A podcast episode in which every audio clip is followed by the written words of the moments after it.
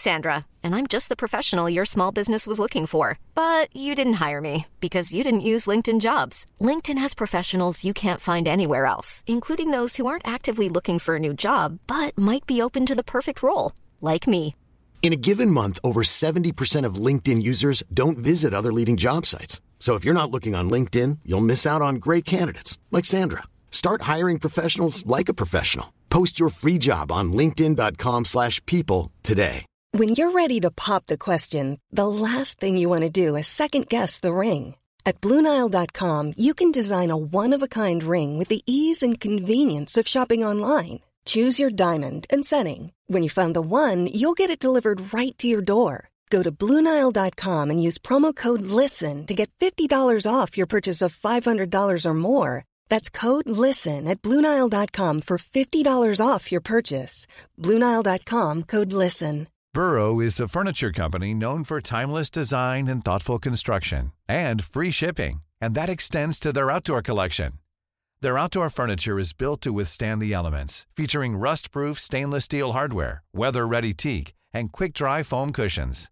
For Memorial Day, get 15% off your Burrow purchase at burrow.com slash ACAST and up to 25% off outdoor. That's up to 25% off outdoor furniture at burrow.com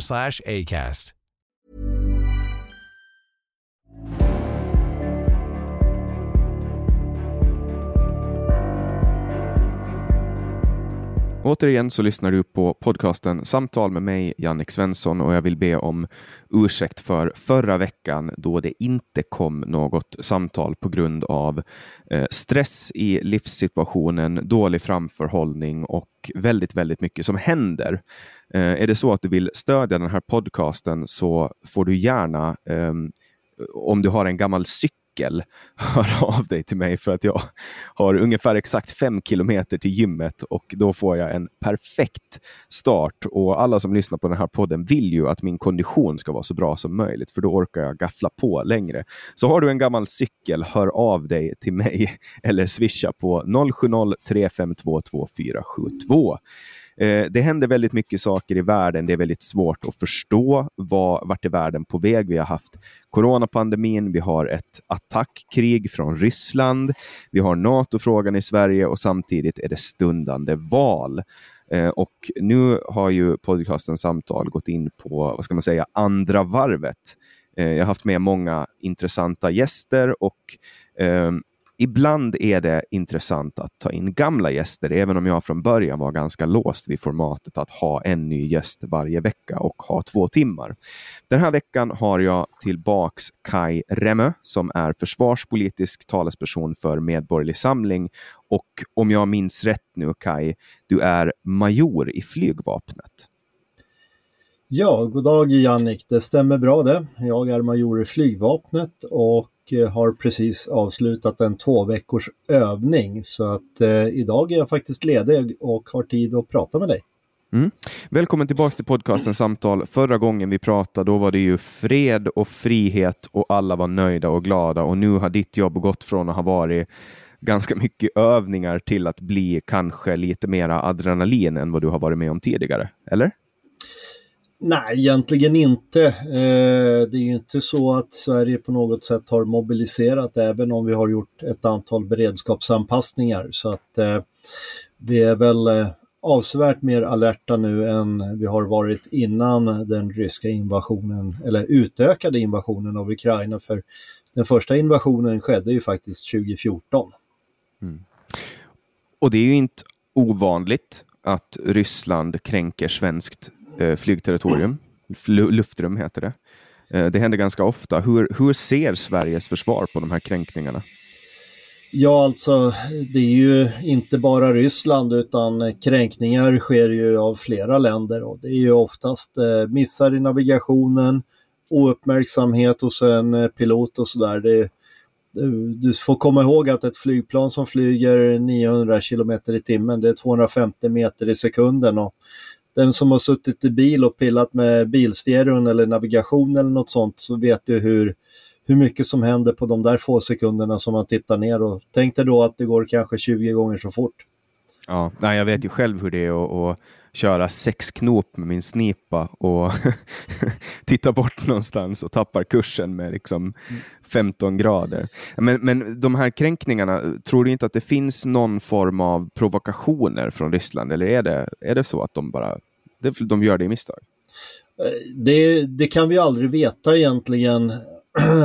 Eh, om man säger så här att eh, ryska piloter flyger relativt sett lite jämfört med eh, vad eh, ja, ska vi säga både NATO och eh, svenska och finska piloter flyger. Och det är ju bara för att eh, ja, de, de har inte råd. Och vi ser ju även luftkriget i Ukraina att det är inte så att det gått bra för det ryska eh, flygstridskraft, eller, flygstridskrafter överhuvudtaget. Utan eh, ja, det går dåligt. Och det är beroende på att de flyger för lite. Och det betyder också att även andra piloter i det ryska försvaret flyger antagligen för lite för att ha hundra koll.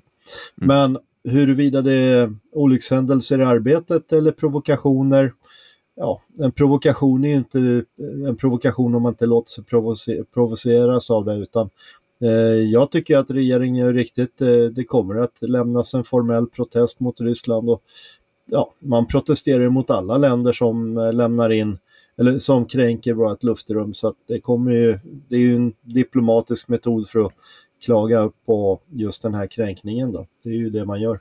Mm. Och diplomatiska metoder har ju eh, Putin visat att han är helt jävla likgiltig inför. Ja, men i de här fallen så, ja, det, det, det spelar ju egentligen ingen roll. Jag menar, som jag sa, kränkningar görs av flera länder och det är oftast inte på flit utan ja, det är lite grann som om du tar eh, ett barn med handen i kakburken. Man säger ah, ajabaja och barnet säger bara förlåt och sen går man vidare. Det, det är lite så i det här perspektivet. Och eh, Däremot de andra diplomatiska sakerna som Ryssland håller på med, det ja, Lavrovs senaste att eh, Adolf Hitler hade minsann jude i sig. Det är ju ganska fascinerande hur de förvränger sin egen sanning. Ja, alltså propaganda har man ju sett eh, hur, hur alltså en, en person som, som Vladimir Putin kan sitta i tv och säga lögner rakt ut och se så övertygad ut. Det är nästan som att han tror på det själv.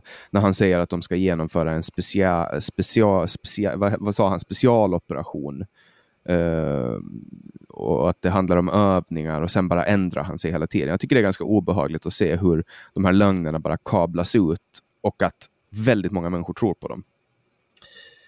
Ja, problemet med alla politiker är ju först när de börjar tro på sin egen propaganda att eh, när man gör det, då börjar man ju tro på sina glasögon att ja men det är, alla ukrainare är nazister enligt Putin och då är det så.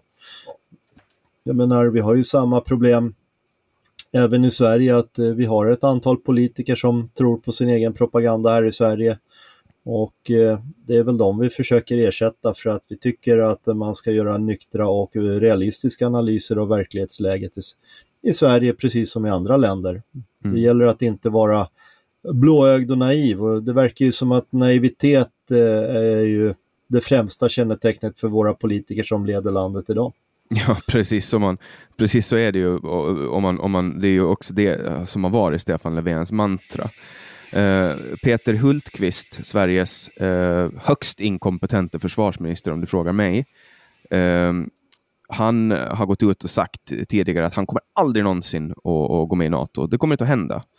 Eh, så han har ju liksom svängt nu och hela regeringen har ju svängt. Det har ju visat sig att eh, att det de säger är inte det de tänker göra. Uh, nu har ju Sverige vänt i NATO-frågan helt och hållet, verkar det som. Ja, vi får väl se vad som händer. Det intressanta blir Sauli Niinistös besök till eh, Sverige här om, eh, ja, vad blir det, två veckor då.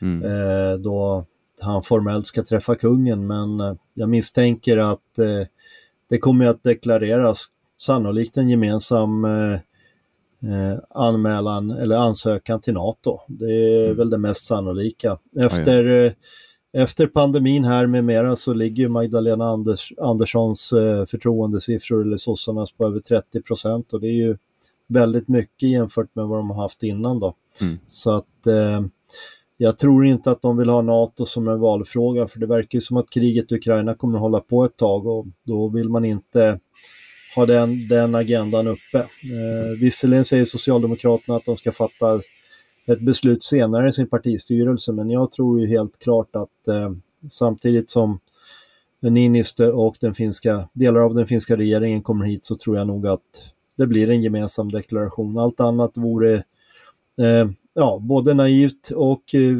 faktiskt inkompetent vill jag påstå. Mm.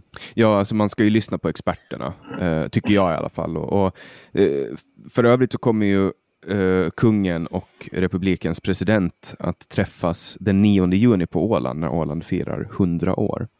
Eh, kungen har i alla fall tackat ja till ett officiellt besök till Åland eh, och det är lite spännande. Eh, jag vill bara flika in det som exakt en månad efter att de träffas i, i Sverige så kommer de också att träffas på Åland. Eh, och Kaj är ju självklart välkommen till Åland då när Åland firar 100 år. Det, det låter väldigt trevligt. Eh, nu saknar vi bara den här klausulen att ta bort eh, demilitariseringen för att eh, som sagt var Ryssland har inte brytt sig om några internationella avtal så att jag tror att ålänningarna föredrar eh, finländska militärer på öarna än ryska. Mm, det tror jag också. Vi har en lång historia av det och där finns det, det är många som, alltså för, Åland är ju demilitariserat i fredstid och neutraliserat i krigstid. Eh, och nu får man väl nästan påstå att det är krigstid. Eh, så nu bör ju demilitariseringsstatusen övergå till neutraliseringsstatus. Men det är ju klart, ryssarna har aldrig brytt sig om det förut. De har härjat på Åland förut. Eh, och de kommer antagligen att göra det igen. De har också visat att de gärna skjuter civila, de våldtar gärna civila. De har liksom ingen eh, de har inga skrupler när det kommer till eh, krig. Och de har också använt kemvapen vad jag förstår. så det är inga, inga konstigheter. Jag tycker att, att det som är i Sverige nu, ehm, två gånger så har det hänt att Sverige har gått in i en kris som har varit liksom globalt betingad, då, coronakrisen först och nu då det här kriget. Eh, och man har ännu inte gjort, släppt på makten och gjort en samlingsregering. Det är det man brukar göra under krigstid, under kristid. Man, man, man mobiliserar en samlingsregering. Nu har man alltså en, en eh, statsminister som inte är vald av folket och man har en försvarsminister som är eh, vapenvägrare. Eh, det, det, här är, ur, ur, mitt perspektiv så är det här eh, kalanka. Ja, jag, jag, kan inte kommentera den socialdemokratiska regeringens eh, lajvande kring eh, serietidningar. Eh, det har jag ingen uppfattning om. Men eh, eh det är självklart så att eh, vi har ett, eh, i Sverige har vi haft ett parlamentariskt läge som har varit väldigt udda de två senaste eh, mandatperioderna. Det är ordinarie val i höst eh, och ingen är ju intresserad av en eh, samlingsregering egentligen utan alla räknar ju med att man kommer att eh, klara sig bra det här valet. Eh, Socialdemokraterna baserat på då de höga förtroendesiffrorna för Magdalena Andersson och eh, högern baserat på egentligen deras eh, samlade eh, potentiella röstetal i valet. Då. Men eh, jag ser det som att det är fullt logiskt att man inte har en samlingsregering i det här läget. Vi har en, vi har en valkampanj i höst och bara för att det skulle råka vara krig i omvärlden så måste ju våra demokratiska processer fortsätta. Mm. Och så vitt jag förstår så har ju Finland inte heller en samlingsregering just nu. Nej, det, vi har tyvärr också en sosseregering. Eh, och det är också en statsminister som inte har blivit vald av folket. Eh, så att det, det, i Sverige och Finland har ganska liknande eh, situationer. Det är statsministrar som inte har blivit valda genom val eh, utan genom partikongresser. Och det är väl lite så Socialdemokraterna rullar. Eh, alltså att stoppa in någon in the spotlight på det sättet som man har gjort nu med Magdalena Andersson, som man har gjort nu med, med fin, Finlands statsminister. Det är liksom eh, Sanna Marin. Det är, alltså samma, det är lite samma grej och, och de vet ju exakt hur de ska göra för de har ju hållit på så många år och de har så starka traditioner och vet precis hur de ska spela det här spelet. De kan ju gå ut och ljuga eh, hur som helst, alltså säga precis vad fan som helst eh, utan att få konsekvenser för det. Och det är det som förvånar mig så mycket med, med just det, eh, politiken nu och det är därför jag hoppas så mycket på eh, att det ska bli ett, ett regeringsskifte eh, som går åt det borgerliga hållet. Och jag hoppas verkligen att Medborgerlig Samling kommer in för att det, Sverige försenar ett, ett riktigt borgerligt parti som inte är rädd för att eh, liksom ta de här borgerliga frågorna. Det, det, behövs verkligen. Så jag uttrycker mitt öppna stöd för Medborgerlig Samling. Ja, det tackar jag verkligen för och det är ju så här att eh, vi har ju åtta riksdagspartier och tyvärr så är de alla åtta nyanser av rött och rosa och inget annat. Jag menar, när Magdalena tycker att hon kan regera på en moderatbudget, då förstår man att antingen så är det något fel på Magdalena eller på moderatbudgeten. Och jag vill ju hävda att Moderaterna i Sverige idag har ju accepterat det socialistiska fundamentet i svenskt samhällsliv till 100 procent. Mm. Det vill säga, de är inte borgerliga längre utan de är, ja, högersossar är väl kanske det bästa, den bästa förklaringen och det ser vi ju idag också att eh, Moderaterna de skramlar lite med tomma tunnor men eh, det händer ju ingenting. Mm. Och, Nej, men alltså, de, eh, jag tror att de, min analys där det är att de släpper fram regeringen och låter dem skjuta sig själva i foten. Problem, och det gör de, de skjuter sig själva i foten. Men problemet är att människor som röstar ser inte här. Ja, eh, jag ser det stora problemet som att eh, Moderaterna levererar inga borgerliga alternativ längre. Eh, jag brukar förklara för de som är kring min ålder vad, om man ska säga så här, att förklara politiska teorier som liberalkonservatism, det är lite svårt. Och borgerligt har ju en dålig klang ibland, utan det jag brukar förklara våra, våran partipolitik med på ett väldigt förenklat sätt är att jag brukar säga att vi är ju faktiskt Boman-moderater, för de som minns eh, den moderata partiledaren Gösta Boman. Eh, mm. Det är väl där vi ligger ideologiskt väldigt nära och, och för finländare så kan man väl säga att vi ligger väldigt nära Samlingspartiet rent politiskt. Mm. Sen så vill jag hävda då att jag skulle önska att eh, svenska socialdemokrater som minst vore som finska socialdemokrater och kanske allra helst som danska socialdemokrater. Men det, om, om vi nu ska tala om grader i helvetet så känns ju dansk socialdemokrati som... Svensk med, Sverigedemokrati. ja, det, det, ja det, jag skulle säga att dansk socialdemokrati känns ju mer höger än eh, svenska moderaterna just nu. Mm. Ja, alltså eh, kollar man på danska socialdemokrater så säger de ungefär samma sak som svenska sverigedemokrater. Ja, men Sverigedemokraterna är ju inget högerparti. De är ju eh, högersossar hela bunten. Jag menar, det finns ju till och med på SDs hemsida en sida som heter Lögnfabriken som visar hur goda socialister de är. Så att eh, det är ett sosseparti, så för mig är det väldigt svårt att förstå eh, hur det kommer sig att moderatväljare har gått till eh, SD då, det vill säga en högersossepolitik. De, de hör nog mer hemma i så fall hos oss då, Boman-moderaterna. Mm. Ja, alltså Sverige är ju så fruktansvärt vänsterdominerat så att enda sättet att få röster är att slåss på den vänstra plan, planhalvan. Det verkar ju så, men det behövs någon form av... Man måste komma ut ur det här paradigmskiftet. Jag har ju hopp för, för Sverige. Jag menar, kollar man på Åland till exempel. Åland är 75 procent borgerligt. Och kolla på hur fantastiskt Åland är på alla sätt.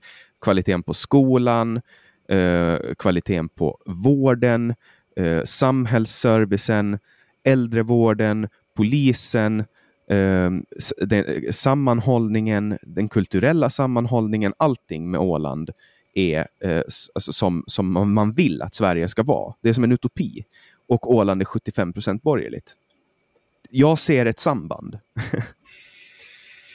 uh, ja, det, så, så är det nog. Uh, jag, jag, tror att det man måste titta på då principiellt eller ideologiskt. Det är ju precis som Margaret Thatcher sa att eh, ja, till slut så får ju socialisterna slut på andras pengar att spendera. Mm. Det är inte skattehöjningar som är lösningen på problemet. Alla vi normala människor med normal ekonomi vet ju att eh, ja, det bästa sättet att eh, få pengar det är ju faktiskt att titta på vilka utgifter man har och det är där man börjar spara. Och eh, här kommer vi in till den stora lögnen i svensk politik att ja, så fort man talar om skattesänkningar då börjar folk yla om vård, skola, omsorg och Problemet är ju inte att det finns för lite pengar till det utan problemet är att skattepengarna används till något annat.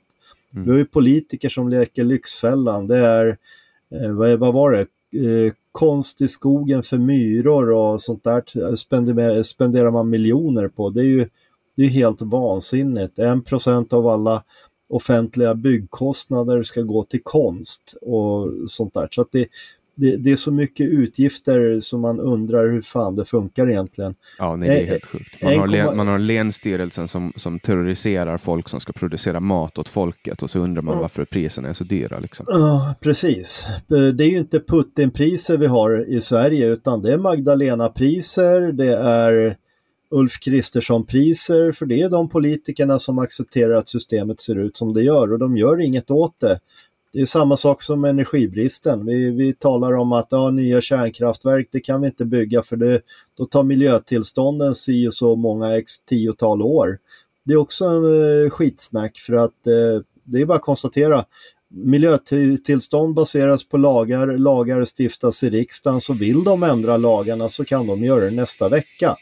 Det är bara det att ingen av riksdagspartierna är intresserade av att ta den fighten och den vill vi i Medborgerlig Samling ta till riksdagen för de ska inte komma undan sitt ansvar med att skylla på miljön hit, miljön dit, utan det handlar om vilka lagar ska vi stifta och hur vettigt ska det vara. Jag menar, det kan inte vara tanken med ett juridiskt system att du ska kunna överklaga någonting i tid och evighet. Jag menar, det är bara att titta på alla avslagna asylansökningar. Göm dig i två år, gör en ny ansökan så måste den behandlas på nytt liksom. Mm. Någonstans så måste dumheterna ta slut och det, det kan tyvärr bara göra det genom lagstiftning och våra politiker har ju väl bevisat att de inte är intresserade av att göra några ändringar i lagstiftningen. Så är det.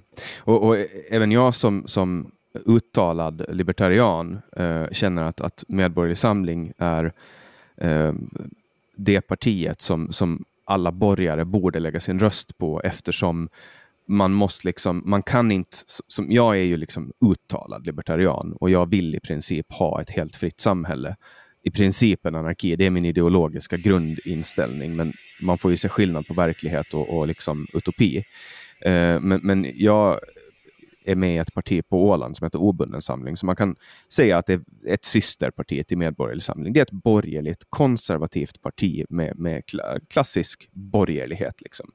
Eh, och den analys som, som jag gör eh, på Sverige nu eh, är liksom att Sverige är för eh, vänsterdominerat och man måste börja bryta ner de här. Medborgarsamling vill ju, hur många myndigheter är det ni vill lägga ner? Är det typ 200 stycken eller något sånt? Jag tror att vi, våran eh, dödslista som vi kallar det för lite vanvördigt var väl 62 myndigheter eller något sånt där initialt. Och sen ska vi inte glömma att en del av anledningen till att det ser ut som att Sverige har många myndigheter det är att varje ambassad i sig själv är en egen myndighet med beslutsrätt och så vidare. Så att det är, det är ungefär som Försvarsmakten var förr i tiden, att då var varje förband var ju en egen myndighet och nu är ju Försvarsmakten en myndighet. Så det, det kan man ju säga att ja, det vore väl rimligt att lägga alla ambassader som ja, underställda myndigheten Utrikesdepartementet eller så. Eller så skapar man bara en myndighet som skulle kunna heta utrikesförvaltningen eller något sånt där och sen så får de managera själva ambassaden och deras byråkrati. Då. Men eh, jo, nej, vi har väldigt många konstiga utgifter och eh, ja, vi har ju Medborgerlig Samling avslöjat eh, bidragsfuskande socialdemokrater som eh,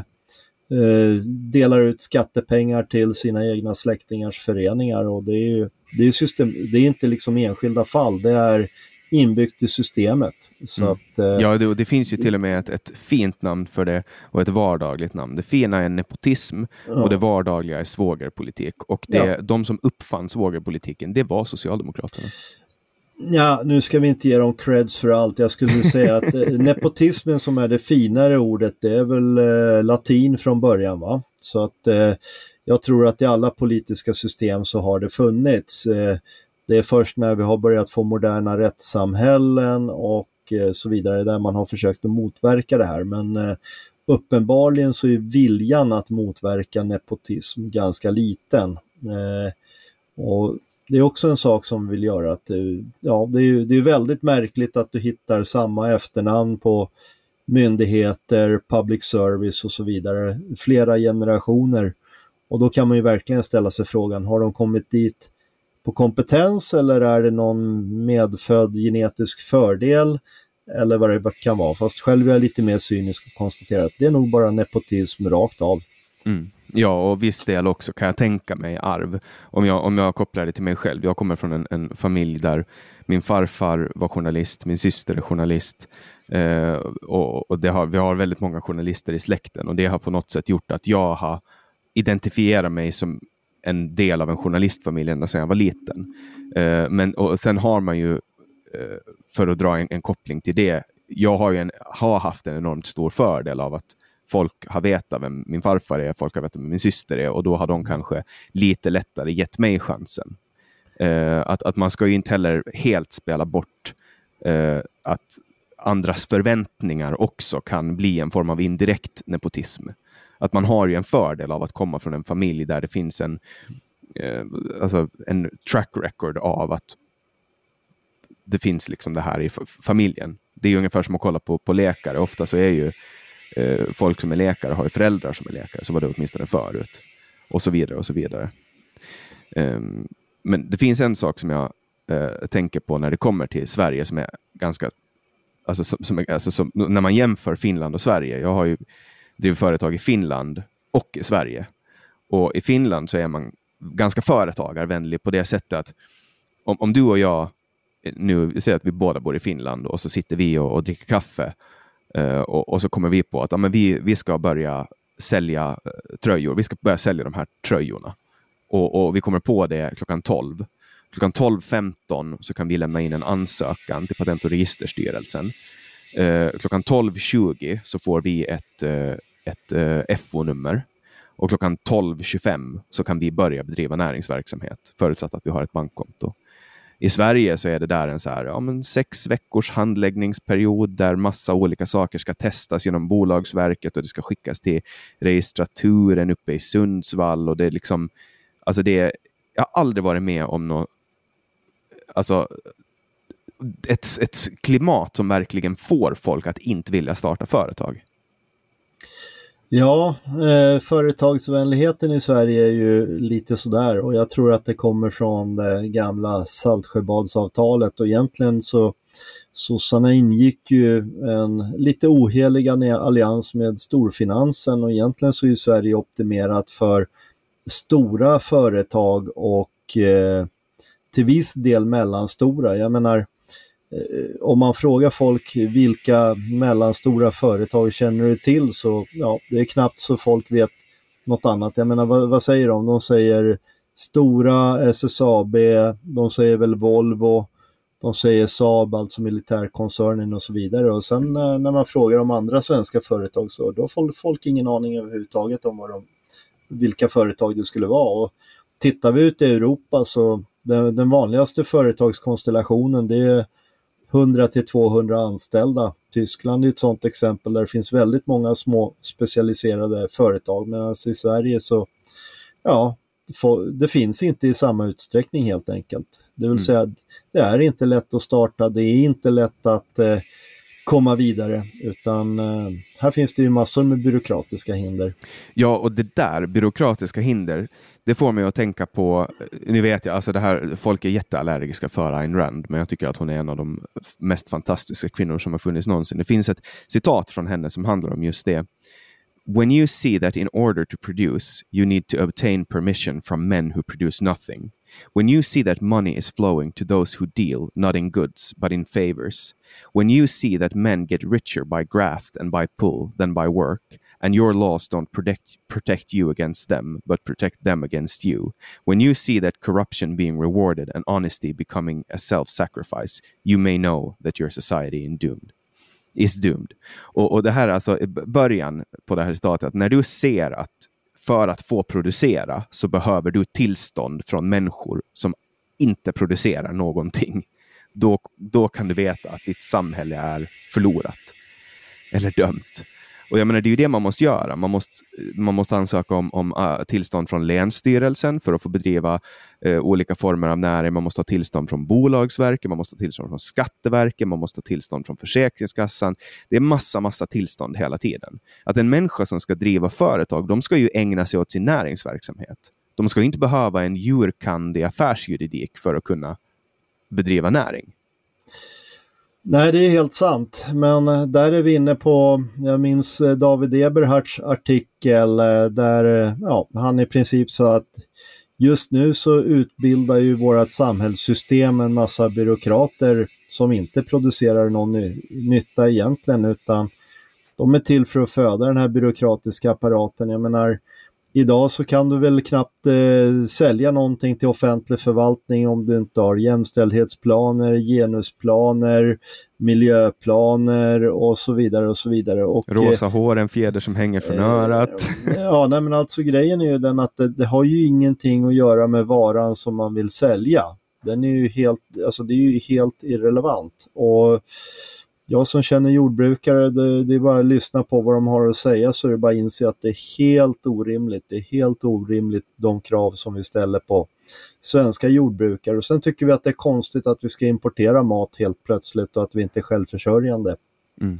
Där har ju Finland gjort helt rätt. Man har en jordbrukspolitik som eh, gynnar den egna jordbruksproduktionen och det är ju det vi behöver i Sverige. Vi behöver inte färre jordbruk, vi behöver fler jordbruk om vi ska vara självförsörjande. Precis. Och, och det där måste man också komma ihåg att människor som brukar naturen, det här är det, det som har fört fram vårt samhälle. Att mänskligheten börjar bruka jorden är det som har eleverat oss upp till eh, det vi har idag.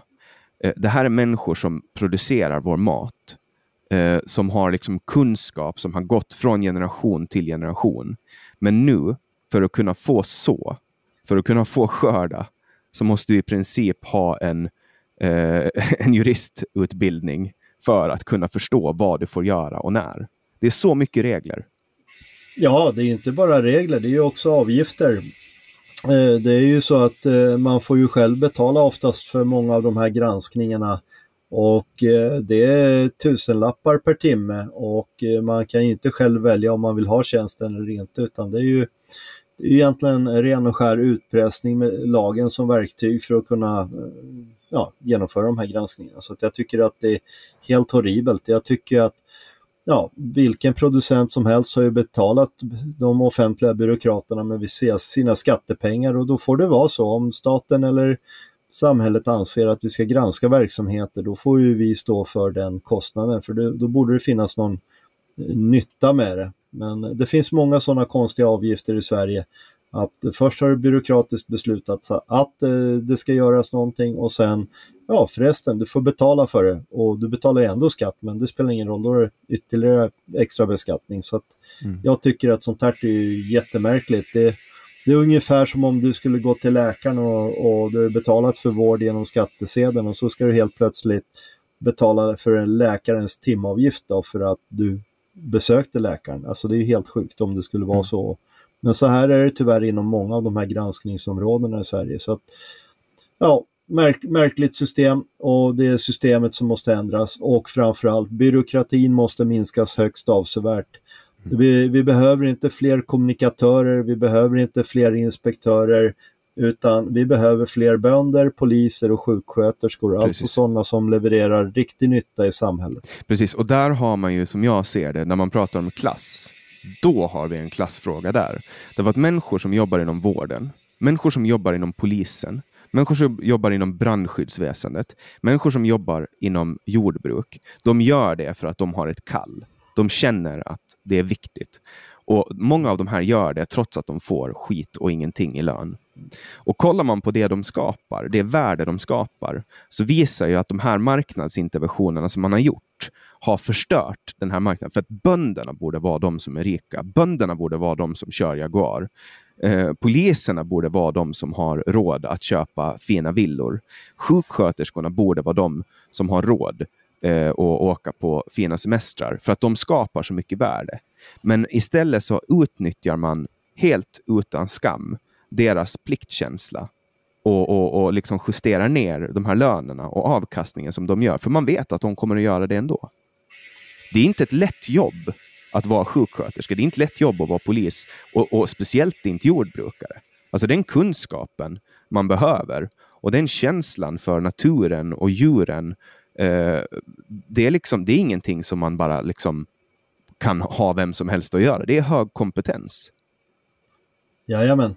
Nej men det är helt rätt. Vi måste ju värdera vissa typer av arbeten mer och jag förstår verkligen inte hur en kommunikatör kan ha mycket högre lön än en sjuksköterska eller en polis. Det borde vara tvärtom. Och sen så anser jag att en hel del av de här offentliga kommunikatörerna de kommunicerar ju politiska budskap och det är märkligt att politikerna som är förtroendevalda inte själv orkar kommunicera det de gör eller det de vill göra. Och eh, det är ju ett sätt att undandra sig ansvar. Det, det kan vi konstatera att våra politiker är nog världsmästare på att undandra sig ansvar. De tar inte ansvar för de beslut de fattar eller de beslut de avstår från att fatta. Mm. Det är också en sak som vi i Medborgerlig Samling vill ändra på för att vi behöver politiker som vill ta ansvar, vågar ta ansvar och även tar ansvaret de gångerna det inte går bra. För att då ska man ju faktiskt förstå att man kanske inte är lämplig för ett jobb. Men eh, självinsikten hos våra politiker är ju väldigt, väldigt liten. Nu har ju Socialdemokraterna suttit i två mandatperioder, åtta år. Och de skyller fortfarande på Reinfeldt. Eh, även om man kan skylla mycket på Reinfeldt så har du haft åtta år på dig att rätta upp någonting som du tycker är fel och inte har lyckats med det på åtta år så kommer det inte fyra år till att göra någon skillnad faktiskt. Mm. Nej men det där är jag ser också. Jag har, jag har följt de här eh, människorna nu som har suttit i regeringen och sett hur de har blivit vassare och vassare och vassare. Och ganska kort efter för förra valet så träffade jag eh, Stefan Löfven i Reykjavik och då var han tafatt. Han var liksom lite fortfarande ganska mänsklig. Och, och, och, och så. och sen, ha, sen ha, har jag sett hur han genom åren har blivit vassare och vassare och vassare. Och nu innan han då fick avgå, eh, vilket jag tror att han gjorde, jag vet ju inte med säkerhet om det var så att han fick avgå, men det är lite det som var känslan, så har han liksom blivit en skarp debattör, eller inte, inte superskarp, men han, han, är, han är blivit mycket bättre, men också lärt sig precis hur han ska göra för att liksom deflekta alla de här frågorna, attackera och trycka. Och, liksom, och det är samma sak som har hänt med Annika Strandhäll, med Morgan Johansson. Magdalena Andersson, hur, hur man bara har liksom skapat och drillat det här elitteamet av propagandister som, som, som är eh, experter på att vända allting mot borgerligheten och skylla på allting på Moderaterna. Och det är aldrig liksom, det var som en debatt med Morgan Johansson angående de här kravallerna, eh, där han liksom han svarar inte på frågorna. Han tar inte ansvar för det som har hänt, utan det enda han gör är att skylla på borgerligheten. Och han är ju duktig. Han gör det på ett perfekt retoriskt sätt. Han vet ju precis hur han ska göra och han använder de här gamla klassiska reglerna för hur man ska bygga upp etos, patos, logos och så vidare. Men det, det där är ju bara spel för gallerien. Det är ingenting som, som kommer till gang för befolkningen. Att hålla på eh, pajkastas och liksom skydda. För det de gör, ur mitt perspektiv, är att de missköter sitt uppdrag och sen rättfärdigar de det genom att attackera oppositionen. Ja, då är det kanske dags att vi utbildar dina lyssnare i ABC-regeln. Acknowledge, bridge, communicate. Alltså, när du ställer en svår fråga till en svensk eh, politiker, då kommer de att bekräfta problemet i någon form. Sen kommer de att brygga det till sitt kommunikationsbudskap, det vill säga vad vill jag säga egentligen. Resultatet blir att de svarar ju aldrig på frågan egentligen, utan de erkänner att frågan existerar och sen så kommunicerar de det de vill säga i ämnet. Vi tar det här med kravallerna nu, det senaste, att vi ska ha ett sändebud som hanterar det. Förr fanns det ju något som hette nationell samordnare, nu har man hittat på att man ska ha sändebud. Men sändebud är ju sånt du skickar till andra länder för att diskutera om vi har något gemensamt. Eh, betraktar vi nu våra utanförskapsområden som icke-svenskt territorium där svenska staten ska skicka ett sändebud för att se kan vi komma fram till någon minsta gemensamma nämnare? Jag vet inte, det, det låter bara så jävla märkligt som lösning överhuvudtaget. Det, det som borde skickas dit det är ren och skär kravallpolis, eh, ta fast de som har kastat sten mot polisen och det borde finnas hur mycket bevis för det som helst. Det kan inte vara svårt att få. Och sen statuera exempel. Det, det, vi pratar inte om två år i fängelse eller villkorligt eller något sånt utan rakt av tio år. Du sitter i tio år. Eh, var ju sabotage i kombination med eh, mordförsök så, så är det så. Jag menar, det är ett språk som eh, förstås av alla att det får allvarliga konsekvenser om du gör något riktigt dumt som försöker stena poliser. Mm.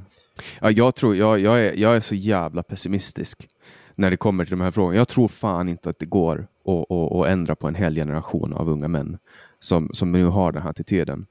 Uh, det här kommer att ta länge. Jag tror att det bästa man kan göra det är bara man mobiliserar alla som fortfarande är vettiga och bara flyttar dem till Åland. Ja, då blir Åland befolkat till att börja med. det, det, finns, många, plats. Det, finns, det, det finns många vettiga människor plus att ni har ju trå tråkiga lagar för att äga fastigheter på öarna. Mm. Så att, eh, men, det är, men det, går, det är väldigt lätt att flytta eh, till Åland. Ja. Om man får mycket hjälp, det är bara att hojta till till en ålänning så får man hjälp att flytta. Ja, ja, eh, nej, men som, som, som jag ser det så är det här eh, någonting att polisen har redan förlorat. Polisen är redan i underläge. Det är de här kriminella gängen som dominerar och det är de som styr.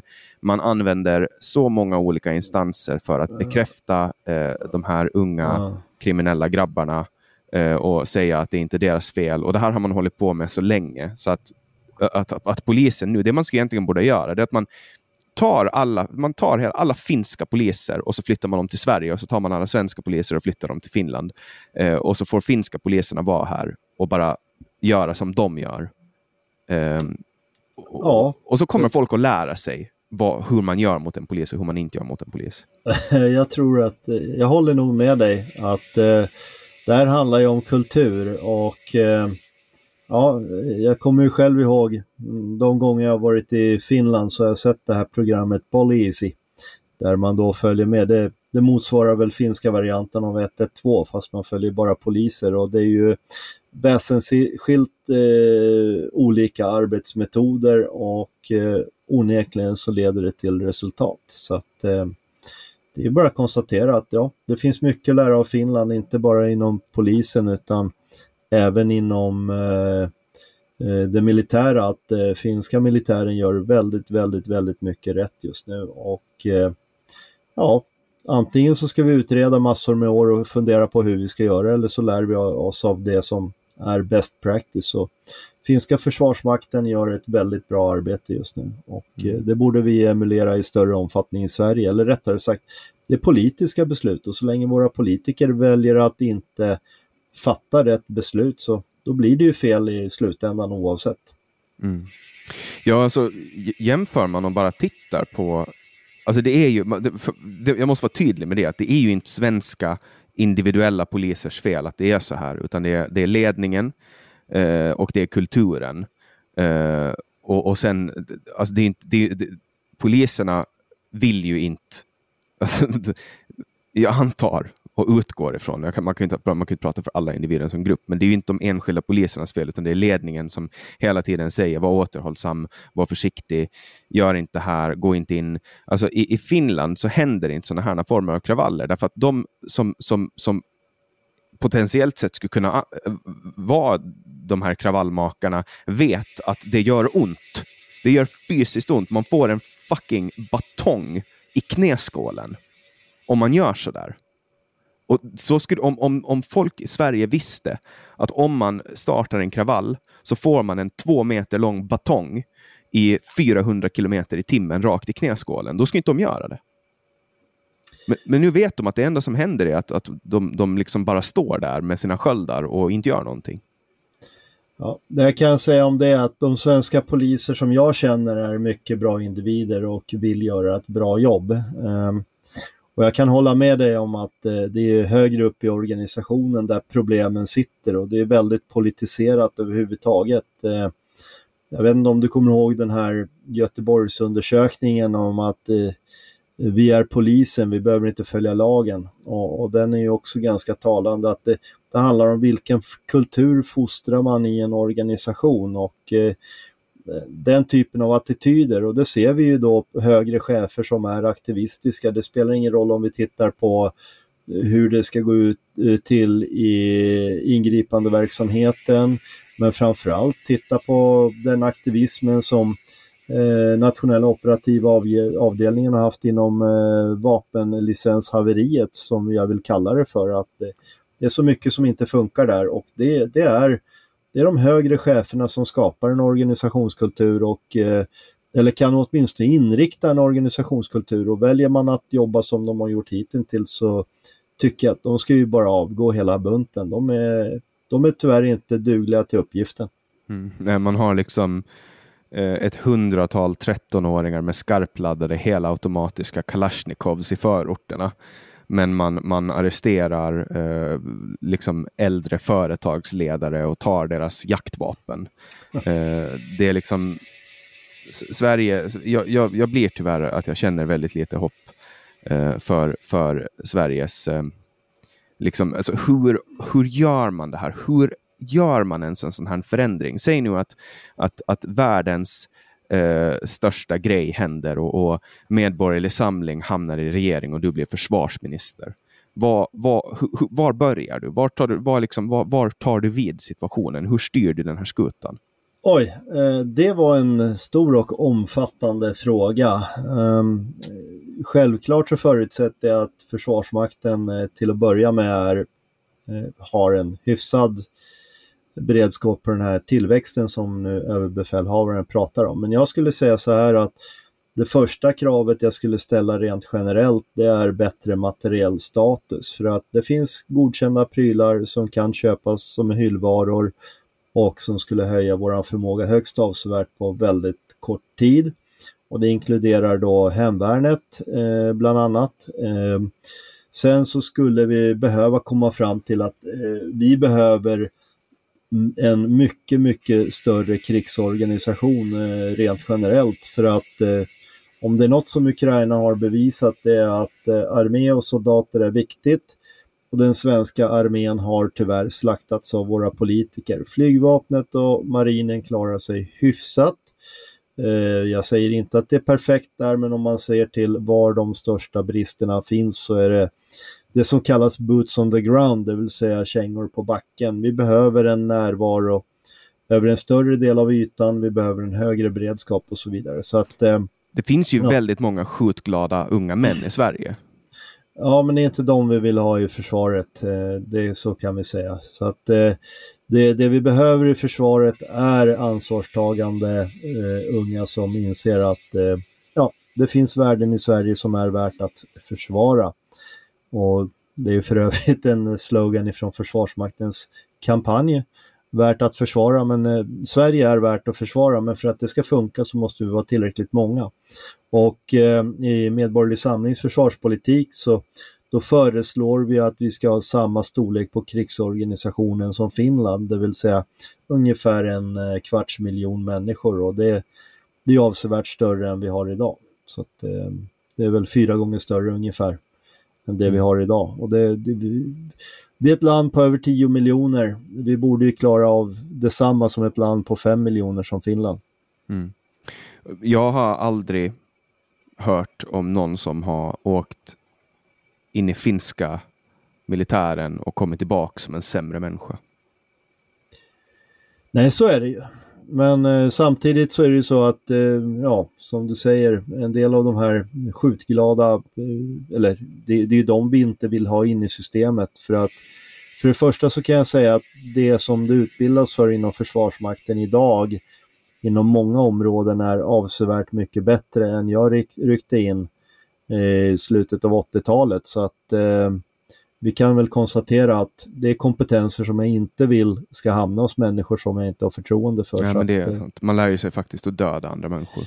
Ja, och på ett mycket bättre sätt, eller effektivare sätt än vi gjorde då för 25 år sedan. Så att eh, jag vill ju påstå att eh, dagens system är mycket bättre, soldaterna är bättre utbildade, de har bättre materiell, men det finns saker vi ändå kan förbättra väldigt mycket mer. Och framförallt så tycker jag att armén ska ha större och bättre eh, manöverförband. Det är det vi behöver. Vi, vi ser ju hur bra det går för Ukraina men det är tack vare att eh, Ukraina har ju själv ungefär en krigsorganisation på 100 bataljoner. Mm. Och vi har inga 100 bataljoner i Sverige. Vi har haft men vi har inte. Mm. Så du kommer in som försvarsminister i Rosenbad. Du eh, rustar upp materielförråden Mm. Uh, ser till att Sverige får ungefär en kvarts miljon utbildade soldater. Det gör man inte på första mandatperioden. Eh, men, men ja, det, det, måste vara det långsiktiga målet och ja, det viktiga är egentligen att komma igång och framförallt så måste vi ju ta tag i utbildningen av officerare och utbildare för att vi är väldigt många som slutar inom de närmsta tio åren så är det väl ungefär en tredjedel av officerskåren som försvinner på ett bräde och det är ju ganska många att ersätta då. Och grejen är att utbildning tar tid. För de som slutar, det är ju inte nybörjare utan det är vi som har lång erfarenhet och det betyder att bara för att du utbildar en nybakad officer så är han ju inte klarar inte den nybakade officeren det som jag gör utan då, har, då måste man ha haft ett antal erfarenheter innan och utbildningar emellan. Så att, så att eh, det, det dröjer kanske tio år från det att du är nybakad till att man kan göra det jag gör. Mm. Så, så att eh, det är ju den där ledtiden och vi måste börja nu för att om en tredjedel slutar de kommande tio åren så måste vi sätta igång nu för att få ersättning. Mm. Och, och då får man ju höja lönen och de ekonomiska incitamenten antar jag. För att det är ju, ja. ingen, det är ju ingen, ingenting man blir rik på att jobba inom försvaret.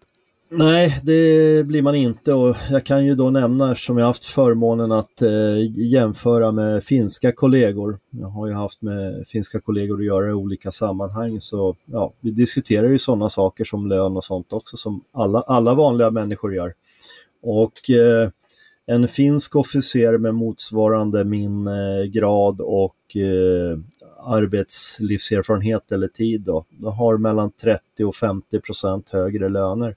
Det är därför vi i Medborgerlig Samling faktiskt uttalar att det borde vara 30 till 50 procent högre löner i Försvarsmakten för att eh, ja, officerare är eftertraktade i andra delar av näringslivet eh, och även annan offentlig förvaltning. Vi har haft väldigt många officerare som har gått till andra myndigheter som betalar bättre.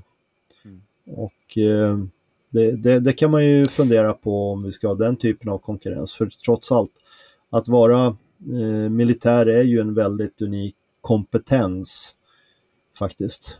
Mm. Så hur, eh, hur stor, nu, jag förstår att det här är, det här är en jättesvår och, och, och också dum fråga för att man kan inte spekulera, men vad känner du? Hur nära riksdagsspärren kommer med att komma? Eh, oj, eh, hade du frågat mig för ett och ett halvt år sedan så skulle jag sagt att jag vet inte. Eh, skulle du säga idag så skulle jag säga att ja, det har gjort så mycket dumheter så att ja, får vi ett genomslag i media då kommer vi att komma in eh, i riksdagen. Eh, däremot, som vanligt, eh, Svensson tänker ju enligt modellen och nu menar jag inte Jannik, men en annan Svensson kanske tänker att jag vill inte kasta bort min röst, men eh, frågan är varför ska du slänga din röst på ett parti som sen ändå inte fixar det du upplever vara problematiskt? Det är ju det, är ju det som är grundfelet. Vi måste våga satsa nytt. Och för de som vill protestera men ändå inom citationstecken inte vill kasta bort sin röst, då säger jag så här att då ska ni rösta på Medborgerlig Samling i er egen kommun och i er egen region. Så att eh, jag räknar ju helt iskallt med att vi kommer att komma in i Stockholmsregionen, vi kommer att komma in i Stockholms stad, vi kommer att komma in i ett antal Stockholmskommuner, kanske fler än hälften. Och vi kommer att göra bra val i andra delar av landet och då får vi media. För det som är problemet idag det är ju om du tittar på hur media fungerar så är det så att de är inte, inte intresserade av oss utanför riksdagen överhuvudtaget. Och framförallt inte public service för man är inte intresserad av att ge väljarna andra alternativ. För att man vet att de som sitter i riksdagen idag, de, de har ingen ambition eller vilja att ändra på systemet. Så att där finns det ju en form av, eh, ska vi kalla det för intern korruption eh, från public service och även all media som har pressstöd. Att de vill ju inte gunga båten. Mm. Så att, eh, men om folk tänker på valdagen så kommer de inse att ja, med borde haft 20-30 procent själv. Mm. Nej, men jag, jag, eh, jag har aldrig haft någon ambition om att den här eh, podden ska vara eh, objektiv från min sida. Och, och om jag skulle få kasta en röst i Sverige så skulle jag kasta min röst på Medborgarsamling. Och jag får ju det. Jag får ju rösta i regionen och i kommunen. Jag är skriven ja, men... i Norrtälje, så det kommer jag att få göra. Ja, och då har du ju i princip ingen valhemlighet för då, då räknar vi med en röst från dig i både region och i Norrtälje. Då. Jag, tror, jag tror faktiskt till och med att ni kan räkna med att jag ansluter mig eh, officiellt till partiet. Trevligt, du är, du är så välkommen så. Ja, du får gärna sätta mig i kontakt med den som i Norrtälje är ansvarig för Medborgarsamlingen. För att jag, jag är ju liksom jag är ju aktiv då i ett parti på Åland som heter Obunden samling som, ja. som jag ser som rakt av ett systerparti till eh, Medborgerlig samling. Och ja. vi har ju val ungefär ja, 13 månader efter ja. svenska valen så har vi val på Åland. Och, eh, så att när, när er valrörelse slutar så börjar vår. Eh, och jag börjar redan känna hur valvindarna blåser eh, för min del. Jag kommer antagligen att återvandra till Åland. Eh, vi får se lite vad som händer här i Sverige. Men, Eh, och, och, och, driva vidare arvet där. Men, men jag tror att det finns mycket, många gemensamma beröringspunkter för att borgerligheten behöver hålla ihop. Man behöver ja, liksom samlas. Ja, absolut. Och speciellt som jag upplever det då att borgerligheten i Sverige existerar i praktiken inte förutom vi i Medborgerlig Samling. Då. Det, är, det är tråkigt. Jag menar, vilka borgerliga partier har vi? Jag menar Liberalerna, deras inställning till borgerligheten är att jo, vi är liberaler men, men, bara så länge du gör sånt som vi gillar och om vi inte gillar det du gör då vill vi förbjuda det. Det, det är ju inte för inte de kallar för so socialliberaler. Jag skulle väl snarare kalla, kalla dem för socialistliberaler istället då. Mm. Så att, och Centerpartiet verkar ju bara vara en personkult kring Annie Lööf och inget annat nu för tiden. Och, och Stureplanscentern har ju ingen eh, uppfattning alls om vad som händer ute i landet. Och jag, ingen bonde som jag har pratat med kommer att vilja rösta på Centerpartiet så att det gamla bonde, bondeförbundet är ju stendött. Så det finns ingen borgerlighet kvar där, det är bara den breda mitten och där förväntar man sig att alla andra partier ska rösta fram den stora ledaren som en ny statsminister då. Mm.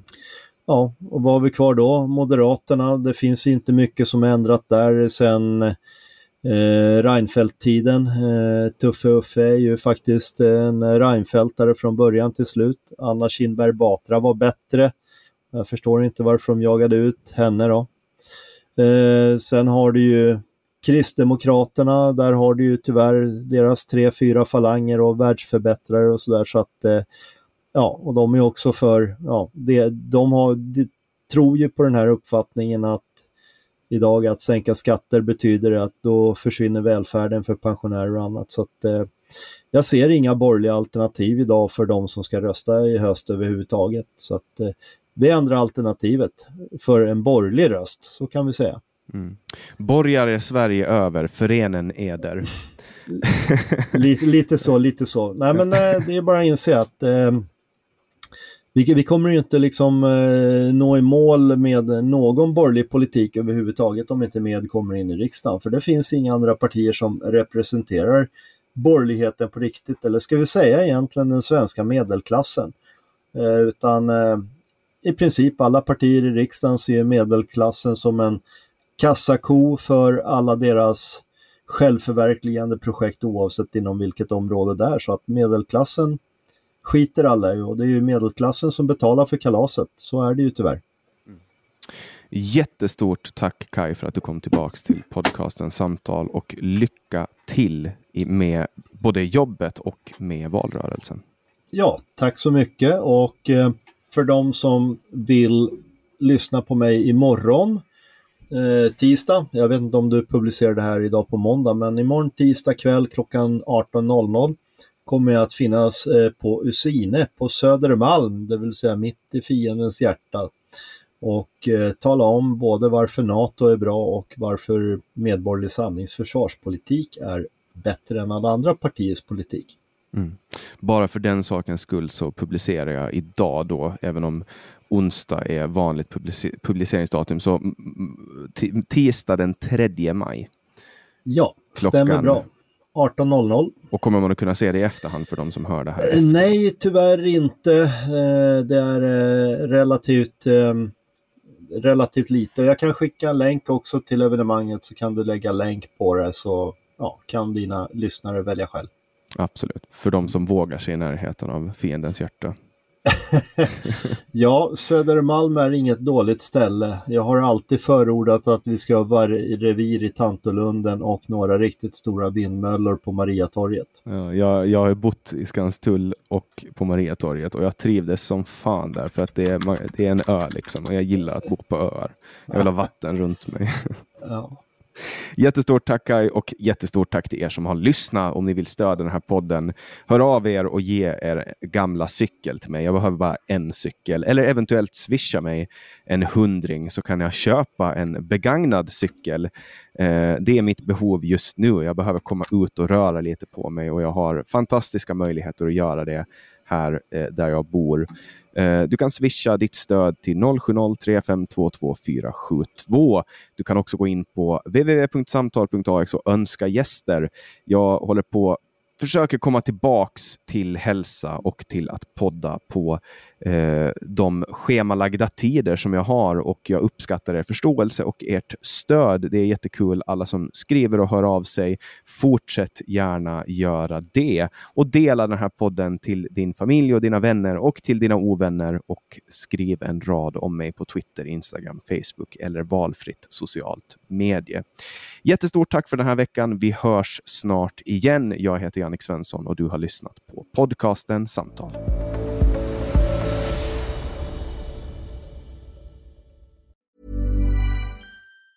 Planning for your next trip?